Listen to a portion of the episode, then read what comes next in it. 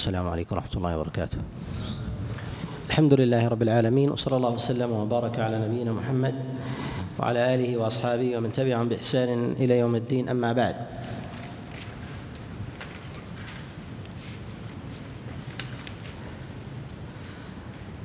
فهذا المجلس الثالث من أحاديث الصيام التي تكلم عليها العلماء عليهم رحمة الله تعالى بنقد وإعلال مما له أثر في أبواب في أبواب الأحكام.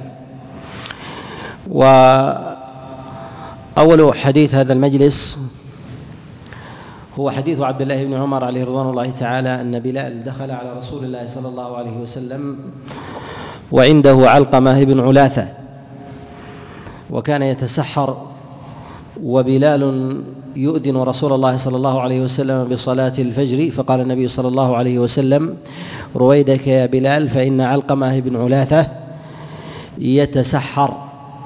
وهذا الحديث أخرجه البزار في كتابه المسند من حديث قيس بن الربيع.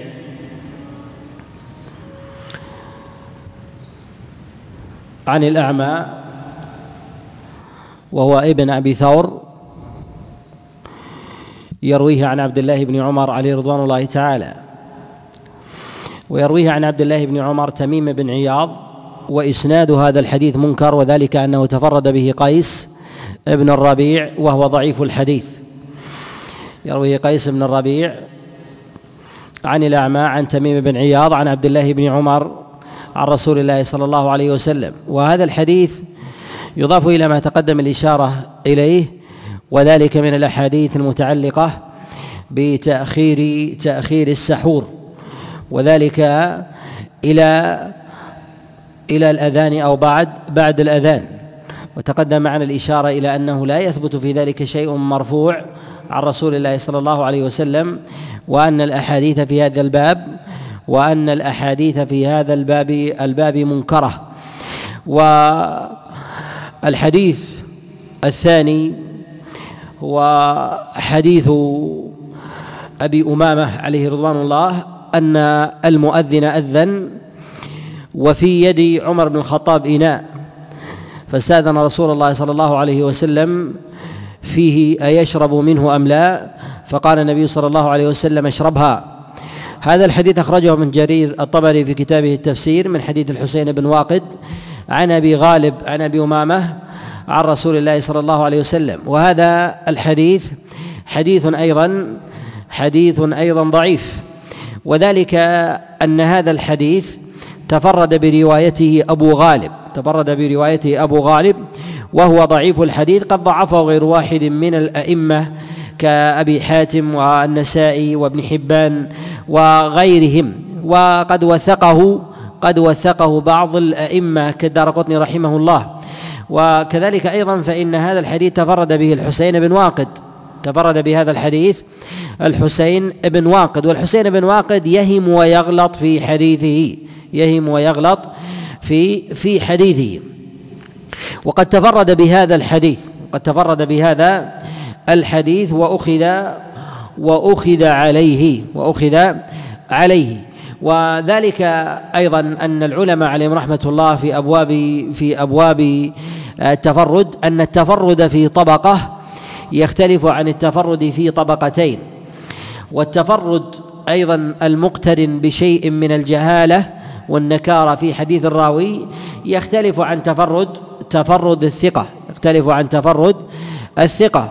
فإذا كان التفرد في عدة طبقات فإن العلماء عليهم رحمة الله تعالى يميل يميلون إلى إلى طرح هذا الحديث حتى يصل إلى مرتبة إلى مرتبة الضعف الشديد الذي لا يعضد ولا يعضد غيره. لا يعضد بغيره ولا يعضد ولا يعضد يعضد غيره. وهذا الحديث وكذلك أيضا الحديث السابق هي في عداد في عداد الضعيف جدا.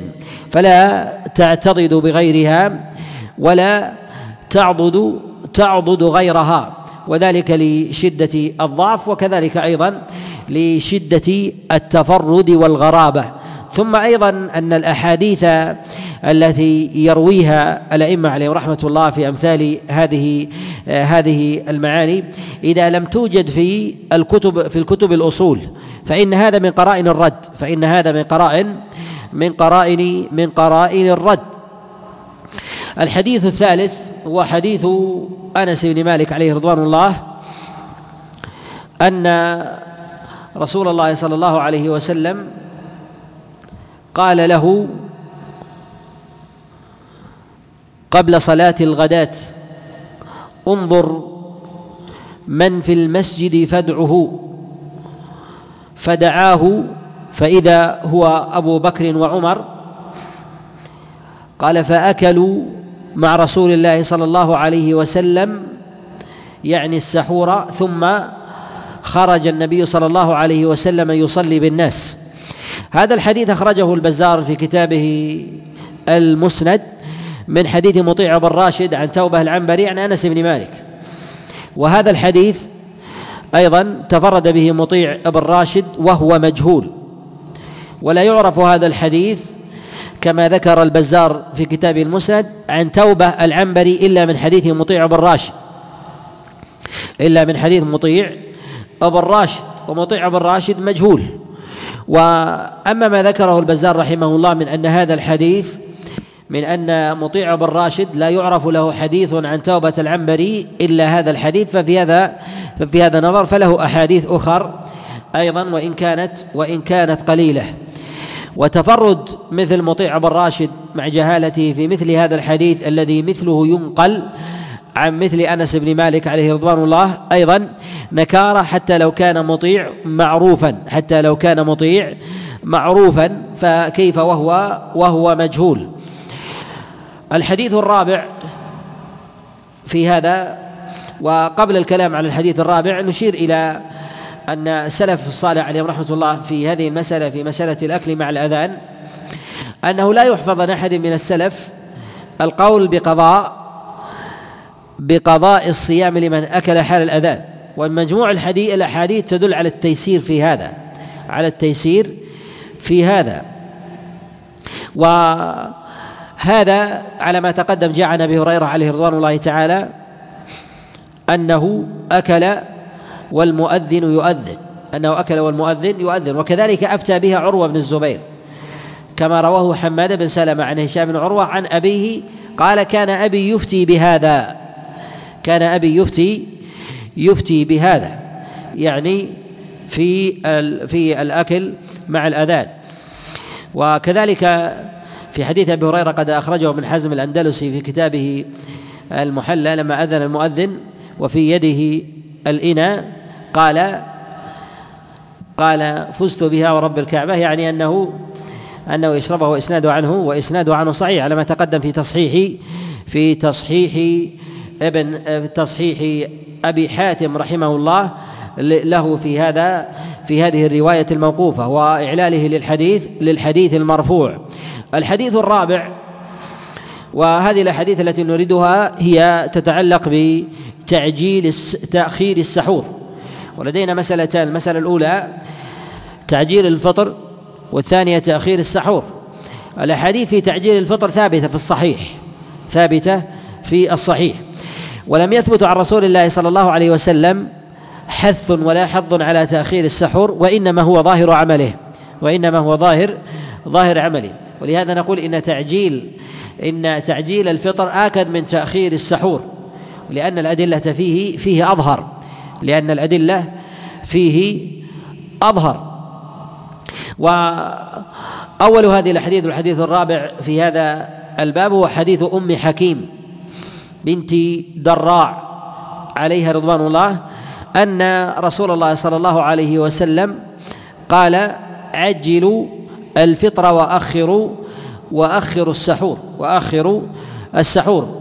هذا الحديث قد أخرجه الطبراني في كتابه المعجم وكذلك قد أخرجه عبد بن حميد في كتابه المسند وغيرهم من حديث حبابة بنت عجلان.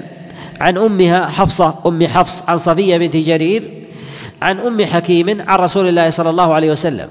وهذا الحديث مسلسل بالعلل وذلك أن أن ابنة عجلان وأم أن ابنة عجلان وأمها وكذلك أيضا صفية مجاهيل. لا تعرف لا تعرف حاله وإن كانت ابنة عجلان تروي عن أمها إلا أن الجهالة إذا تعددت فروى راو مجهول فروى راو راو مجهول عن مجهول فإن الجهالة لا تغتفر عند الأئمة وإنما اغتفارها إذا كانت في طبقة واحدة وكانت جهالة حال لا جهالة لا جهالة عين وكانت متقدمة لا لا متأخرة.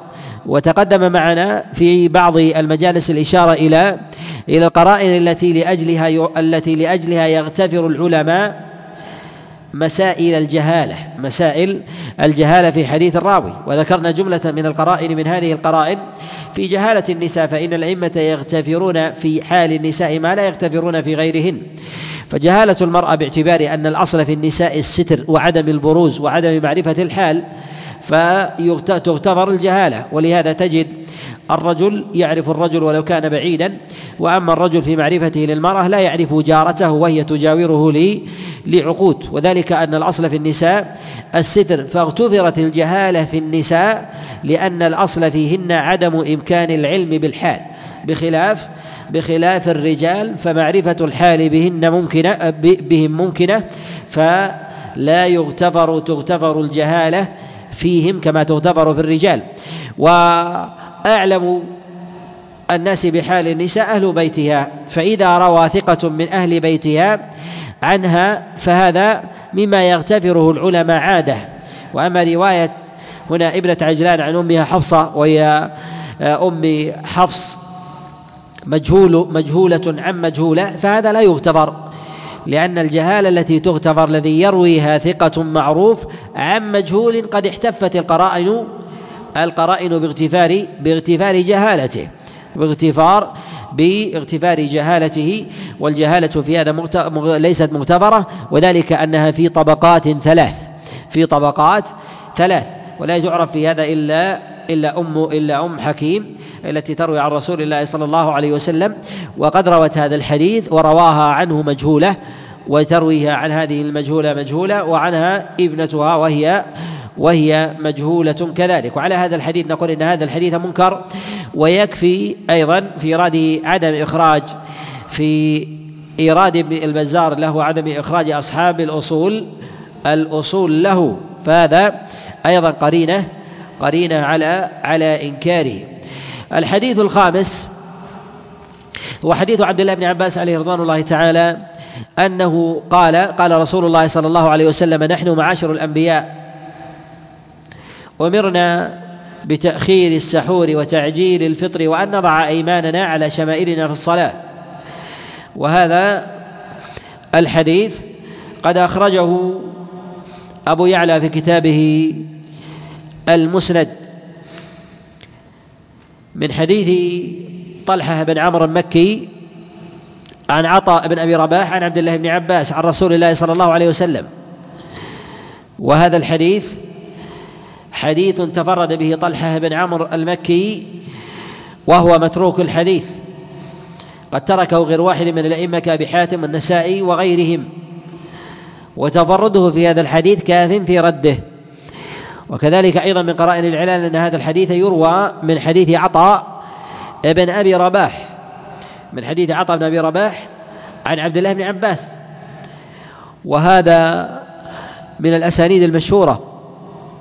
فعطى من خاصة أصحاب عبد الله بن عباس. فروى عنه هذا الحديث والأصل في مثل هذا أنه يشتهر خاصة خاصة أن هذا الحديث فيه ذكر لسائر الشرائع. فقال إن معاشر الأنبياء يعني ليست شريعة الإسلام شريعة محمد صلى الله عليه وسلم وإنما شريعة سائر الأنبياء. فهذا حكم من الأحكام من الأحكام الثقيلة التي تحتاج إلى استفاضة في النقل إلى استفاضة في النقل.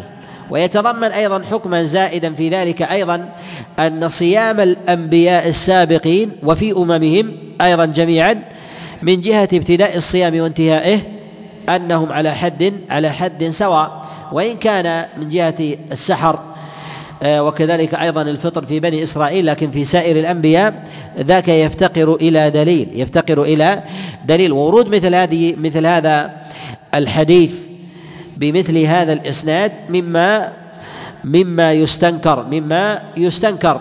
ومن وجوه الإعلال أيضا أن طلحة بن عمر المكي يضطرب فيه وذلك أنه تارة يروى هذا الحديث عن عبد الله بن عباس وتارة يروى عن أبي هريرة وتارة يروى مرسلا وتارة يروى مرسلا فإنه قد جاء من حديث وكيع ومن هذا الوجه طلحة عن عطاء مرسلا عن رسول الله صلى الله عليه وسلم. وكذلك أيضا قد جاء من حديث أبي هريرة قد جاء من حديث أبي هريرة وذلك أنه قد أخرجه الطبراني في كتابه المعجم من حديث النضر بن إسماعيل عن محمد بن عبد الرحمن بن أبي ليلى عن عطاء عن أبي هريرة. عن رسول الله صلى الله عليه وسلم. وهذا أيضا إسناد ضعيف. وذلك أنه يرويه النضر بن إسماعيل وهو لين الحديث ويرويه عن محمد بن عبد الرحمن بن أبي ليلى وهو فقيه كوفي ضعيف الرواية. ضعيف الرواية. وقد تفرد بهذا الحديث وقد تفرد بهذا الحديث بهذا الوجه بهذا بهذا الوجه فدل فدل على إنكاره فدل على على إنكاره. ولهذا نقول إن هذا الحديث لا يثبت بوجوهه لا يثبت بوجوهه سواء كان ذلك الموصول عن عبد الله بن عباس أو كان ذلك أيضا الموصول عن أبي هريرة أو كان المرسل. حديث عطاء عن رسول الله صلى الله عليه وسلم. وذلك أن مثل هذا المعنى يحتاج إلى استفاضة واشتهار إلى استفاضة واشتهار. الحديث الخامس أو السادس هو حديث أنس بن مالك عليه رضوان الله تعالى أن رسول الله صلى الله عليه وسلم قال بكروا بالفطر وأخروا السحور. هذا الحديث أخرجه الطبراني في كتابه المعجم من حديث مبارك بن سحيم مولى عبد العزيز بن صهيب عن أنس بن مالك عن رسول الله صلى الله عليه وسلم. وهذا الحديث تفرد به مبارك بن سحيم وهو متروك الحديث يرويه عن عبد العزيز بن صهيب عن أنس بن مالك. وعبد العزيز بن صهيب هو من أصحاب أنس بن مالك المشهورين وحديثه في الصحيحين. وتفرد مبارك بن سحيم عنه بمثل هذا الحديث أيضا مما أيضا مما يستنكر ويرده الأئمة ويرده الأئمة ويكفي في ذلك تركه. أنه متروك الحديث وكان في رده وكذلك أيضا في تفرد الطبراني بإخراج مثل هذا الحديث فإنه يعتمد أو يتعمد كثيرا باخراج الغرائب الغرائب والمناكير من أسانيد الرواة من أسانيد الرواة. الحديث السابع نتكلم على الأحاديث المتعلقة المتعلقة بالسنة التي الواردة عن رسول الله صلى الله عليه وسلم في في فطره. وقبل الكلام على أحاديث الفطر نقول إن تأخير السحر هو إجماع عملي عن الصحابة والتابعين. إجماع عملي عن الصحابة والتابعين. إلا أن النبي صلى الله عليه وسلم لا يثبت عنه في ذلك أمر. لا يثبت فيه فيه أمر. وقد كان الصحابة عليهم رضوان الله تعالى يعجلون يعجلون الفطر ويؤخرون السحور. وقد جاء الأمر في الصحيح بتعجيل الفطر أما تأخير السحور فكان من فعله من ظاهر من ظاهر فعله من ظاهر فعله. ثم أيضا أن تأخير النبي عليه الصلاة والسلام للسحور لم يكن فيه إشارة إلى أذان الفجر. لم يكن فيه إشارة إلى أذان الفجر وإنما هو تأخير تأخير عام. وقد كان أصحاب رسول الله صلى الله عليه وسلم أكثر الناس تعجيلا للفطر وتأخيرا للسحور كما جاء في المصنف عن عمرو بن ميمون. أن أصحاب رسول الله صلى الله عليه وسلم كانوا أكثر الناس تعجيلا للفطر وتأخيرا وتأخيرا للسحور. وجاء ذلك عن أبي بكر الصديق من طريقين في المصنف أيضا في المصنف أنه كان كان يؤخر السحور حتى أو حتى يخشى من طلوع الفجر حتى يخشى من طلوع من طلوع الفجر. وهذا ثابت عن أبي بكر الصديق عليه رضوان الله تعالى بالطرق المروية المروية عنه. وجاء معناه أيضا عن علي بن أبي طالب عليه رضوان الله وهو عمل مستفيض وهو عمل مستفيض أيضا في أقوال في أقوال التابعين. ومن نظر إلى النصوص الواردة في هذا الباب عن الصحابة والتابعين وأتباعهم في هذا الباب يجد أن عامتهم على أن من أكل أو شرب على أن من أكل أو شرب والمؤذن يؤذن. أنه لا يؤمر بالقضاء أنه لا يؤمر لا يؤمر بالقضاء. وحتى إنه جاء عن بعض السلف ان أنه إذا شك الناس في الفجر أطلع أو أو لم يطلع اختلفوا قال أنه يأكل حتى يتفقوا يعني حتى حتى يبرز. حتى يبرز الفجر ويتضح ويتجلى ويتجلى للجميع. وقد جاء في بعض الروايات عن عبد الله بن عباس عليه رضوان الله تعالى أن مؤذنا أذن فسأله سائل يأكل قال نعم. قال فلما أذن مؤذن آخر فقال أذن قال قال صدق صدقه الآخر. يعني أنه ما دام لم يتيقن يقينا تاما حتى لو أذن المؤذن فإنه فإنه يطعم. فلما سمع المؤذن الآخر قال إذا إذا تيقن في هذا. وهل يلتمس الإنسان ويتعمد التماس اليقين في هذا أم يبقى على أصله؟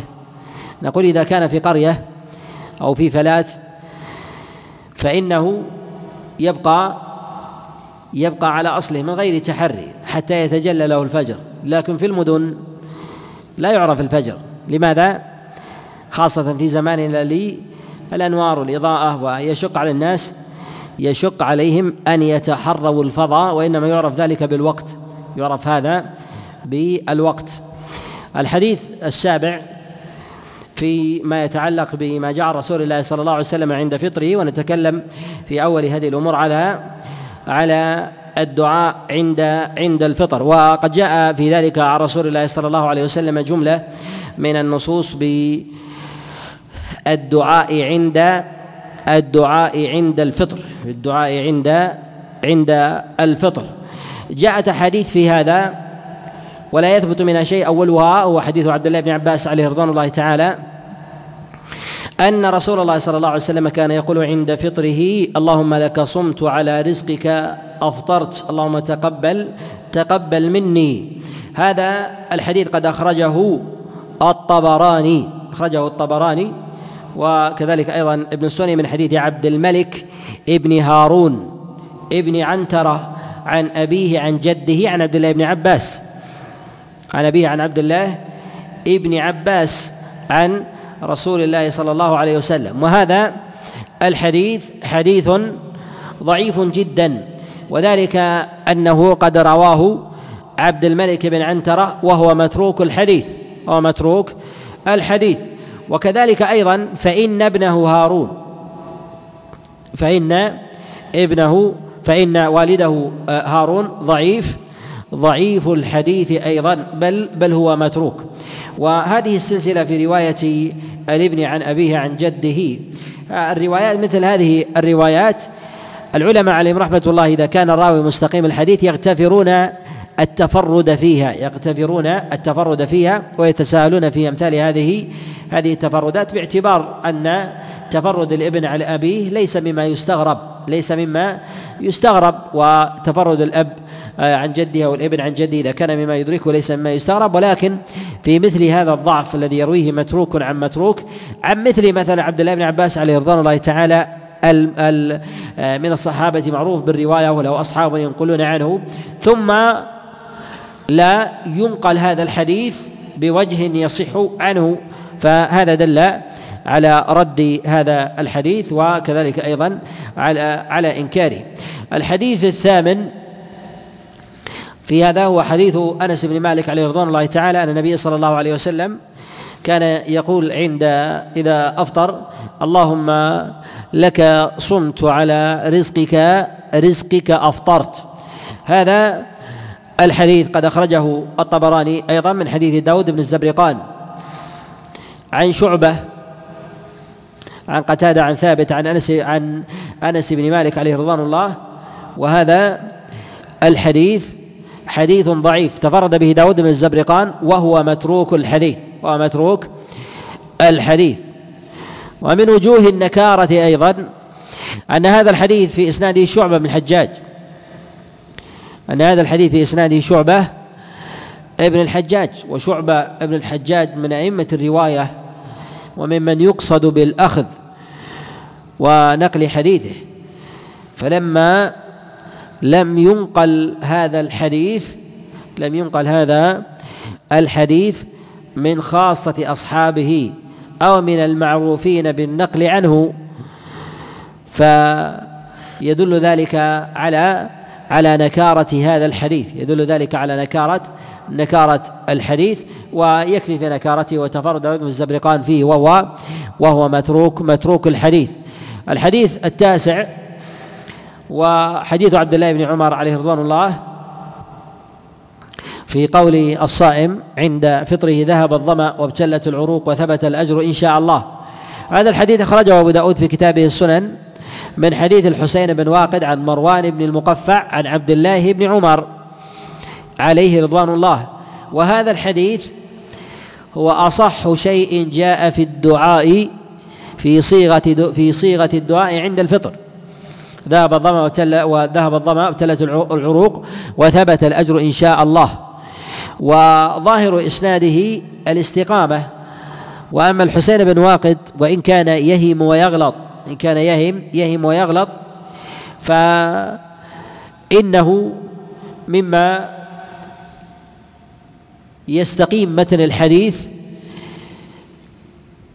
الذي رواه هنا عن مروان بن مقفع. ومروان بن مقفع وإن كان مقل الرواية إلا أن روايته عن عبد الله بن عمر عليه رضوان الله بمثل هذا الحديث مما مما تغتفر عادة مما يغتفر مما يغتفر عاده. كذلك أيضا فإنه نقل ذلك عن عبد الله بن عمر عليه رضوان الله تعالى من فعله من فعله وإن كان ذلك في هذا المنقول آه، منقول مرفوعا إلا أنه نقله من فعله مما يدل على أن هذا هذا مما مما يسوغ فيه يسوغ فيه التفرد وذلك أنه لو نقله من من أمره وحثه وحظه أو روايته المجردة لا لامكن لامكن الرد بالتفرد لامكن الرد بالتفرد. وهذا أمثل شيء مما أورده الأئمة عليه رحمة الله تعالى في في الكتب الأصول. وهذا أمثل شيء في الكتب الستة. أمثل شيء في الكتب الستة في في في الأدعية أو صيغ الأدعية التي تقال تقال عند تقال عند عند الفطر. والحديث العاشر هو حديث معاذ بن زهرة أن رسول الله صلى الله عليه وسلم كان يقول عند عند فطره اللهم لك صمت وعلى رزقك وعلى رزقك أفطرت. هذا الحديث أخرجه أبو داود في كتابه السنن وأخرجه في المراسيل.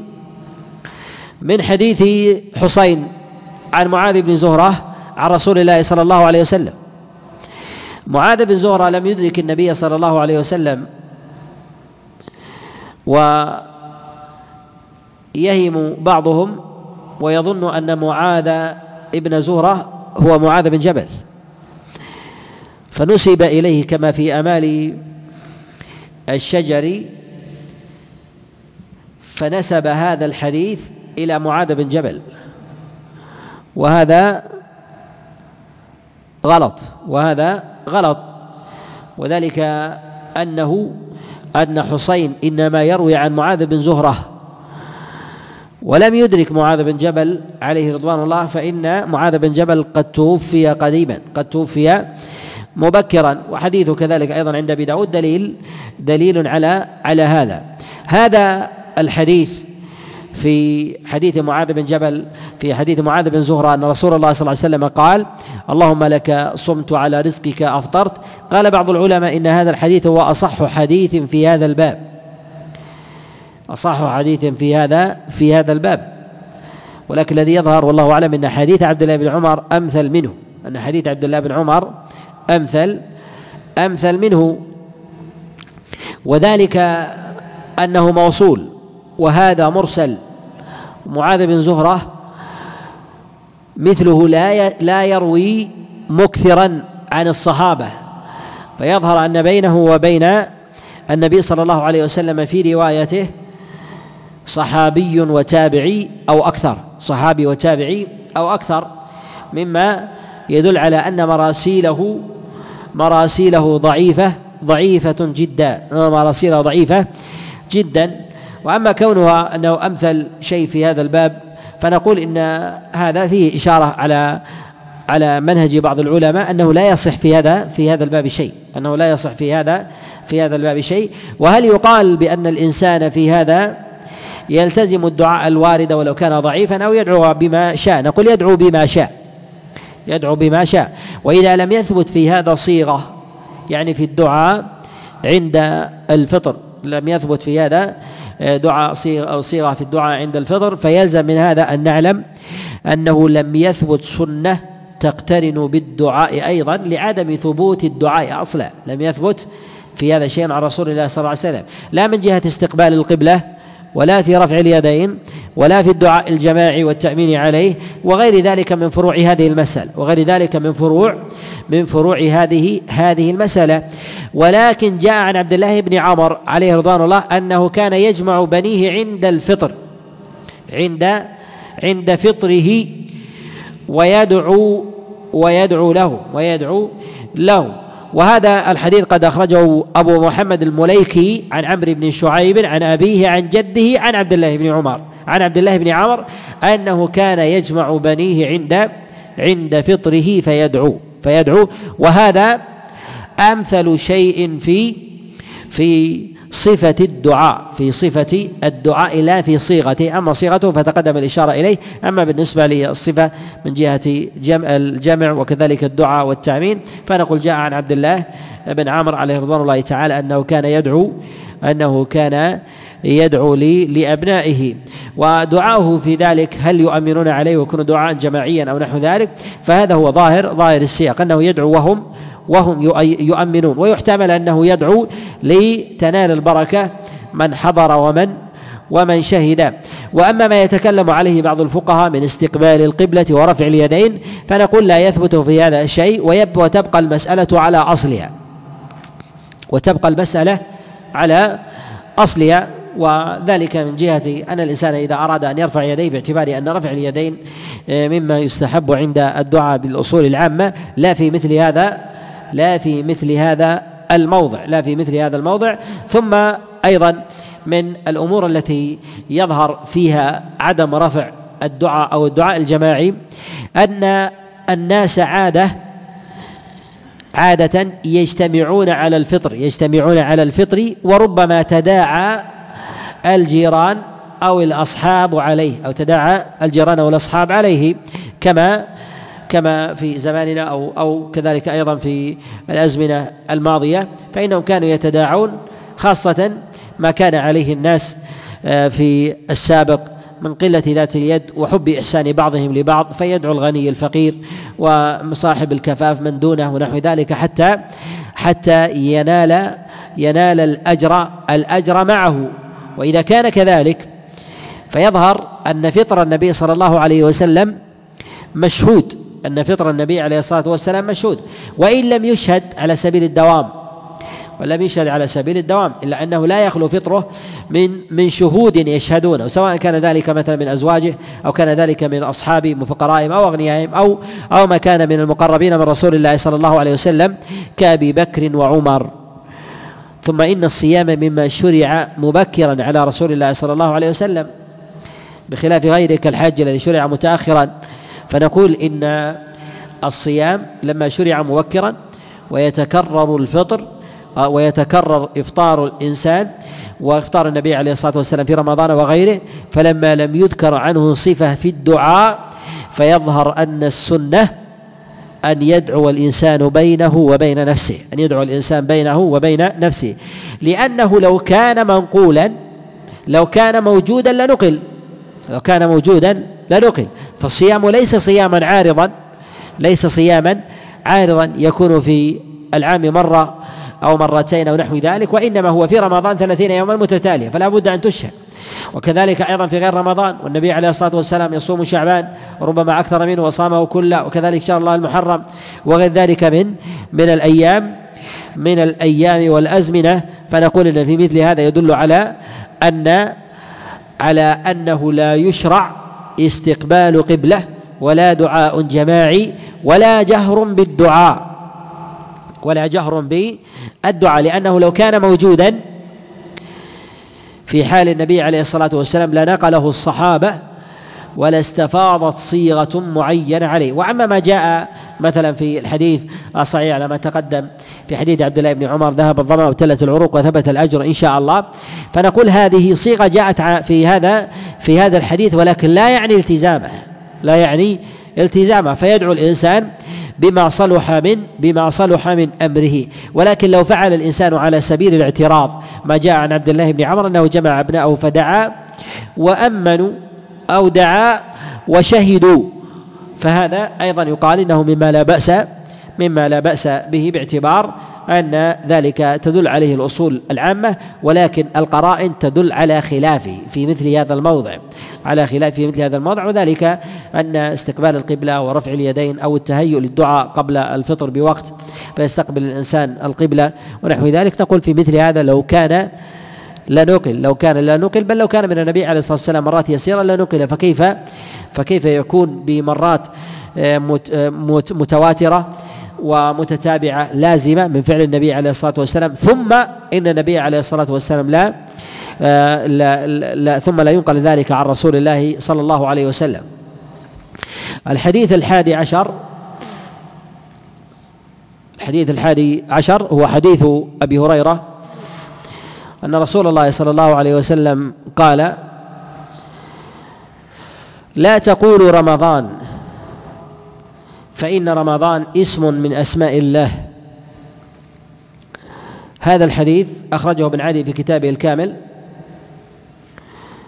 وأخرجه كذلك الطبراني من حديث محمد ابن أبي معشر. حديث محمد بن أبي معشر عن أبيه عن سعيد المقبري عن أبي هريرة عن رسول الله صلى الله عليه وسلم. وهذا الحديث حديث منكر منكر جدا أو موضوع. وذلك من وجوه متعددة. أولها أن هذا الحديث تفرد به محمد بن أبي معشر وابوه نجيح وابنه محمد متروك الحديث. وهو متهم. وقد تفرد برفع هذا الحديث. وقد تفرد برفع هذا الحديث. عن أبيه عن سعيد المقبري عن أبي هريرة.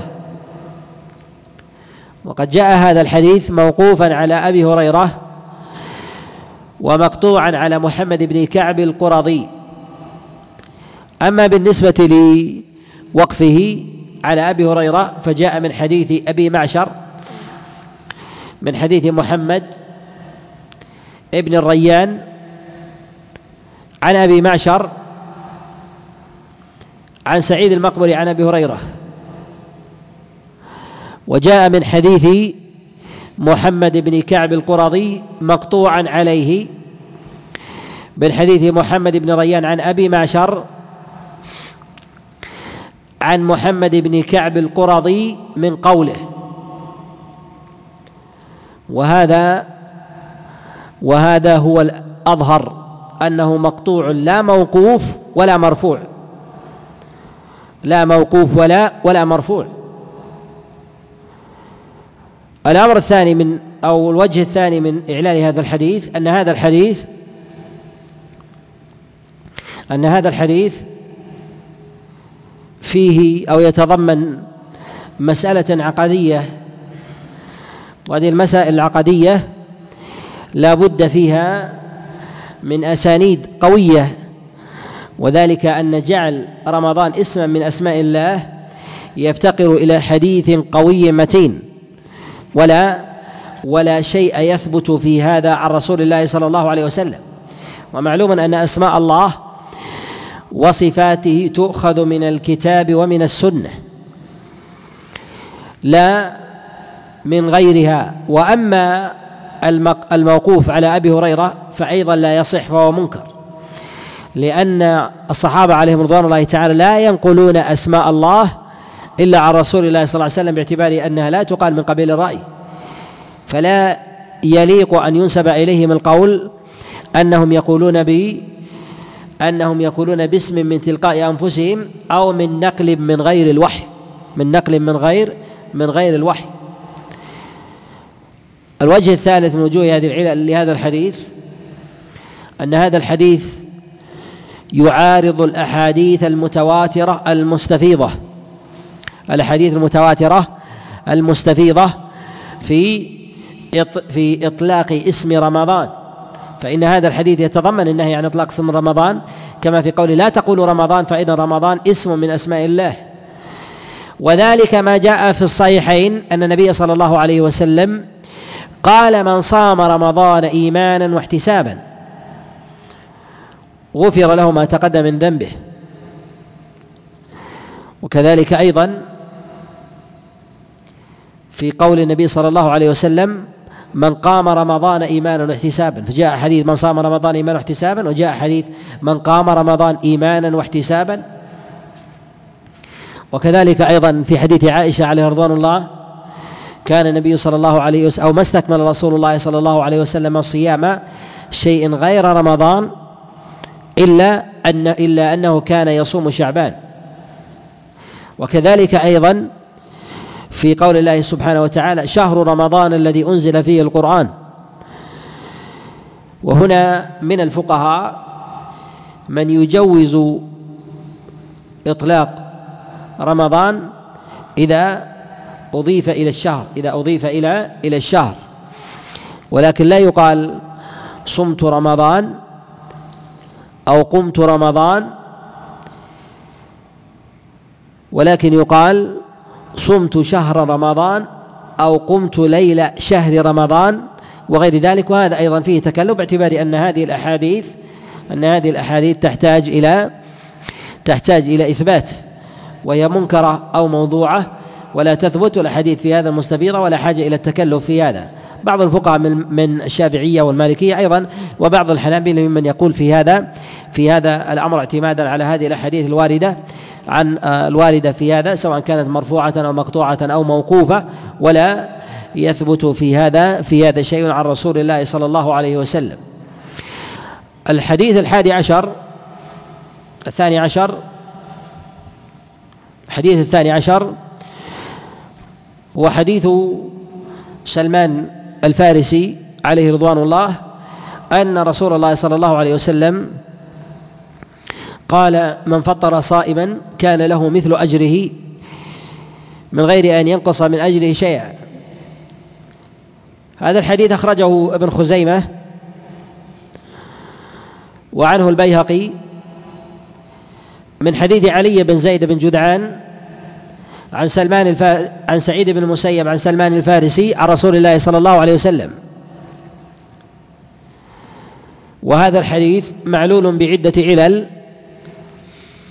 أول هذه العلل أنه تفرد به علي بن زيد بن جدعان عن سعيد بن المسيب وعلي بن زيد بن جدعان ضعيف الحديث. وعلي بن زيد بن جدعان ضعيف ضعيف الحديث. العلة الثانية أن هذا الحديث يرويه سعيد بن المسيب عن سلمان الفارسي ولم يسمع منه. والعلة الثالثة أن هذا الحديث يرويه سعيد بن المسيب وله أصحاب كثر ينقلون حديثه ينقلون حديثه فتفرد مثل علي بن زيد بن جدعان وهو بمثل هذه الحال مما يستنكر عند الأئمة عادة مما يستنكر عند الأئمة عادة فيرد فيرد حديثه فيرد حديثه. وقد أعل هذا الحديث غير واحد من الأئمة كابن خزيمة نفسه في كتابه الصحيح فإنه قد ترجم على هذا الحديث وقال إن صح إن صح الخبر. وأعله كذلك العقيلي كما في كتابه الضعفاء وعله كذلك العقيلي كما في كتابه كما في كتاب الضعفاء وأعله كذلك أبو حاتم. وعلى هذا نقول إن هذا الحديث من جهة الإسناد ضعيف. إن هذا الحديث من جهة الإسناد ضعيف. الحديث الثاني عشر الثالث عشر حديث زيد بن خالد الجهني أن رسول الله صلى الله عليه وسلم قال من فطر صائما كان له مثل أجره. هذا الحديث يرويه عطاء بن أبي رباح عن زيد بن خالد الجهني عن رسول الله صلى الله عليه وسلم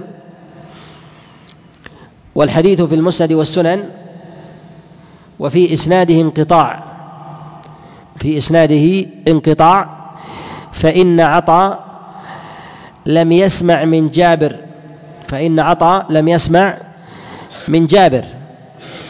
ومن وجوه العلل أن هذا الحديث يظهر أنه وهم وغلط في متنه في صياغة متنه وقد جاء في الصحيح أن النبي صلى الله عليه وسلم قال من جهز غازيا فقد غزا. من جهز غازيا فقد غزا. فربما حمل هذا المعنى على كل من أعان على عمل خير. على كل من أعان على عمل على عمل خير. وهذا الحديث هو ضعيف كسابقه ولكن نقول إن تفطير الصائم إن تفطير الصائم لا شك في فضله وأجره ويرجى له أجر المثلية لكن لا نص فيها. لا نص صحيح فيها.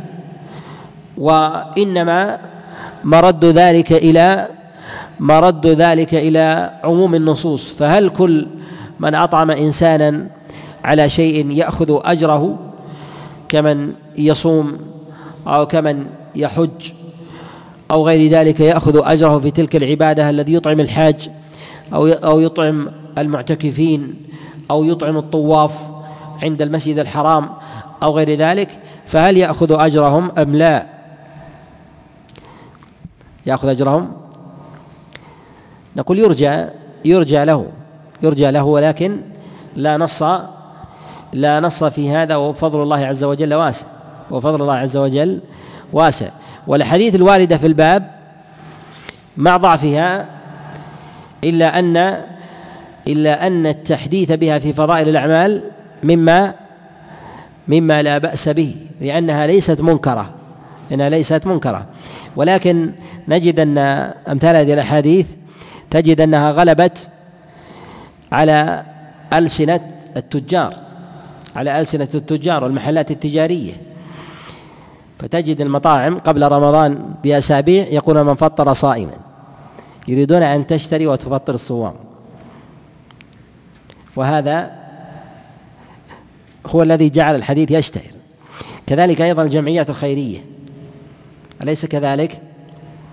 يشيرون هذا الحديث وحديث أيضا عمرة في رمضان تعدل حجة في حملات الحج والعمرة حتى يحثون الناس على هذا. هو عمل صالح لا بأس. لكن ينبغي هذا ألا يخل موازين الأحاديث. تبقى الأحاديث كما هي. وأن اشتهارها واستفاضتها عند الناس وفي أذهانهم لا يجعل منها مسلمة مسلمة صحيحة. نقول فضل الله عز وجل واسع ويرجى للإنسان ذلك لكن هذه هذا الاشتهار وهذا الاستعمال لا يغير من من موازين الأحاديث من جهة ثبوتها وعدمها. شيء فيبقى الأمر فيبقى الأمر على فيبقى الأمر على أصله. ولهذا نجد أن مثل هذه الأفعال تغيرت حتى في موازين الناس. تغيرت في موازين الناس فتجد الاستفاضة والاهتمام في تفطير الصائمين ونحو ذلك وتجد ثمة نفقات هي أعظم أجرا يغفل عنها يغفل عنها في هذا في هذا الباب. ومن ذلك هو حديث زيد بن خالد من جهز غازيا فقد غزا. وأيها أعظم تفطير الصائم وتجهيز الغازي؟ تجهيز الغازي تجهيز لازم والحديث في البخاري ومع ذلك لا يذكر. ومع ذلك لا لا يذكر ويذكر الضعيف ويترك ويترك الصحيح ويترك الصحيح. ولهذا نقول إن موازين الأحاديث ومعانيها لا تغيرها ما يشتهر عند الناس أو ما يستعمل لأساليب تجارة نحو ذلك نتوقف عند هذا القدر. وبالله التوفيق وصلى الله وسلم وبارك على نبينا محمد.